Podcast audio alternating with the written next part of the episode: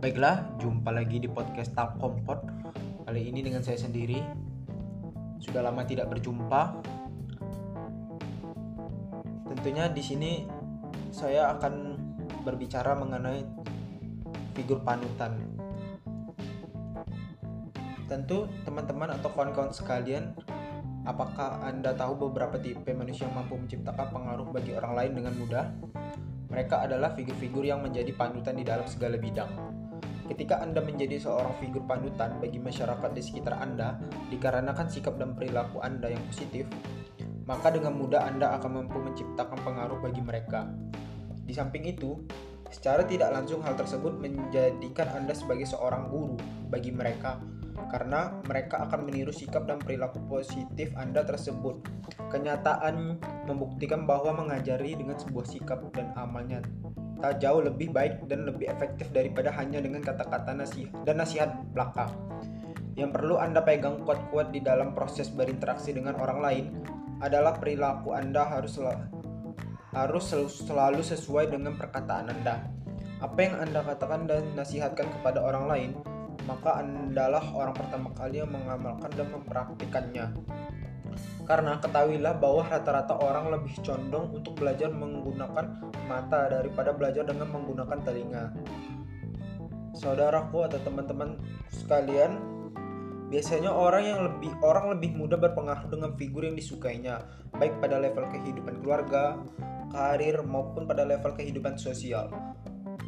Tidak ada pengaruh yang lebih besar daripada pengaruh yang diciptakan oleh seorang figur, baik pengaruh dalam masalah akhlak, moral, perilaku, pandangan maupun kebiasaan.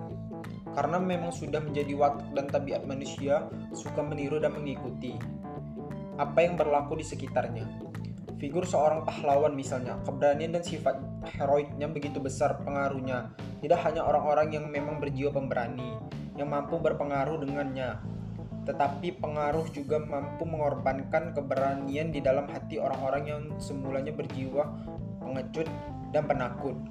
Dalam hal ini, saya teringat salah satu bait syair yang menjelaskan seberapa jauh sebenarnya pengaruh yang dimunculkan oleh seorang figur, baik di dalam masalah tingkat laku, kebiasaan maupun pandangan hidup. Bait syair tersebut adalah seperti berikut. Jika Anda ingin mengetahui hakikat seseorang, maka jangan tanya siapa dia sebenarnya, tapi tanyakan tentang siapa teman-teman karibnya karena setiap orang mengikuti dan meniru sikap dan tingkah laku teman karibnya. Jika Anda ingin menjadi pribadi yang berpengaruh dan menjadi seorang figur panutan bagi orang lain, maka terlebih dahulu Anda juga harus mempunyai seorang figur panutan yang Anda anggap sebagai teladan di dalam seluruh segi kehidupan Anda. Figur adalah tipe manusia yang diikuti dan diteladani. Bukan cuma tipe yang sekadar dikagumi dan dibanggakan, menjadi seseorang figur panutan tidaklah mudah karena ada beberapa ciri dan sifat kepribadian yang harus dimiliki, seperti keberanian, keteguhan, kepandaian bergaul dan berkomunikasi, mendahulukan kepentingan orang lain, dan kesanggupan memikul beban dan tanggung jawab, ditambah dengan kepandaian menghadapi orang banyak. Ketika Anda berbicara di hadapan orang lain, maka tujuan bukanlah hendak menunjukkan kehebatan dan kemampuan Anda, melainkan bertujuan menciptakan sebuah kontak pikiran dengan mereka sehingga target yang sejak awal Anda inginkan dapat tercapai, yaitu diterimanya ide dan pikiran-pikiran Anda oleh para pendengar Anda tanpa terjadi adanya kesalahan pahaman bagi pendistorsian. Begitu juga ketika Anda melakukan peran Anda sebagai pembicara di hadapan masa, maka jangan sampai terlupakan tujuan Anda berbicara di hadapan mereka. Apakah Anda berbicara di hadapan mereka bertujuan menyampaikan berita berita tertentu kepada mereka atau menghibur mereka atau mengajak mereka melakukan sesuatu atau bertujuan meyakinkan mereka akan suatu hal dan sebagainya. Teman-teman dan saudaraku, tidak mungkin Anda naik podium dan berbicara kepada masa jika Anda sendiri tidak mengerti tujuan sebenarnya kenapa Anda naik podium dan ingin berbicara kepada mereka. Bahkan, jika Anda diminta untuk sekedar menyampaikan sepatah dua patah kata, Anda juga harus tahu terlebih dahulu apa sebenarnya yang ingin Anda sampaikan. Karena hal ini yang akan memunculkan perasaan berani dan membuat Anda tampil percaya diri di hadapan mereka. Sehingga Anda akhirnya mampu berbicara di hadapan mereka dengan baik dan lancar, tanpa dihinggapi rasa takut, ragu, dan grogi. Teman-teman ketahuilah bahwa jika Anda mempunyai keinginan kuat, maka hal itu berarti Anda telah berhasil meraih separuh dari target Anda. Dan memahami target yang hendak dicapai akan membantu Anda menguasai rasa takut, ragu, dan gengsi yang Anda rasakan. Seorang pembicara yang baik dan mampu tampil percaya diri tidak memberikan kesempatan kepada para pendengar mengetahui dan melihat sedikit pun tanda-tanda takut atau grogi pada dirinya. Ia mampu menggunakan metode-metode tertentu untuk meyakinkan para pendengar bahwa ia adalah pembicara yang benar-benar berani dan mampu tampil percaya diri. Hal inilah yang biasanya dimiliki oleh para artis, penyanyi, dan pemain teater ketika sedang memainkan peran mereka di atas panggung. Mereka mempunyai metode-metode yang bias yang bisa membantu mereka menghilangkan perasaan takut dan grogi.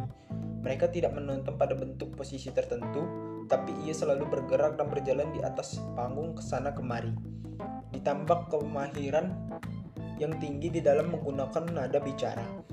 Sejak awal mereka telah mengetahui rahasia bagaimana agar mereka mereka mampu memiliki sebuah kekuatan yang akan membantu mereka ketika berdiri di depan masa. Mereka sama sekali tidak menonton, hanya berdiri di belakang mikrofon saja. Tetapi mereka mulai melakukan gerakan-gerakan tertentu ketika mereka sedang merasa grogi. Mereka telah memahami bahwa gerakan-gerakan tertentu akan mampu menghilangkan perasaan grogi dan kebuntuan otak, sehingga si otak mampu bekerja dan melakukan perannya dengan baik. Memang benar, Anda akan merasa aneh dan canggung ketika baru pertama kali melakukan gerakan-gerakan tersebut. Tetapi jika Anda telah melakukannya berulang-ulang dan membiasakan, maka Anda akan mengetahui bahwa gerakan-gerakan seperti itu sangat membantu sekali.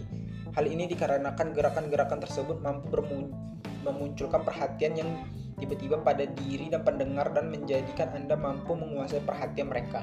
Ketika itu, maka Anda tidak akan memiliki masalah lagi ketika berbicara di, di hadapan masa.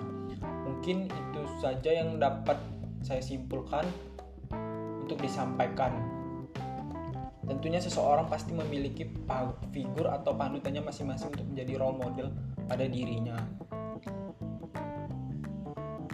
Jumpa lagi di podcast-podcast saya selanjutnya dengan membahas tema-tema yang sungguh sangat menarik untuk didengar ataupun tidak itu terserah menurut Anda. Sekian dari saya, bye.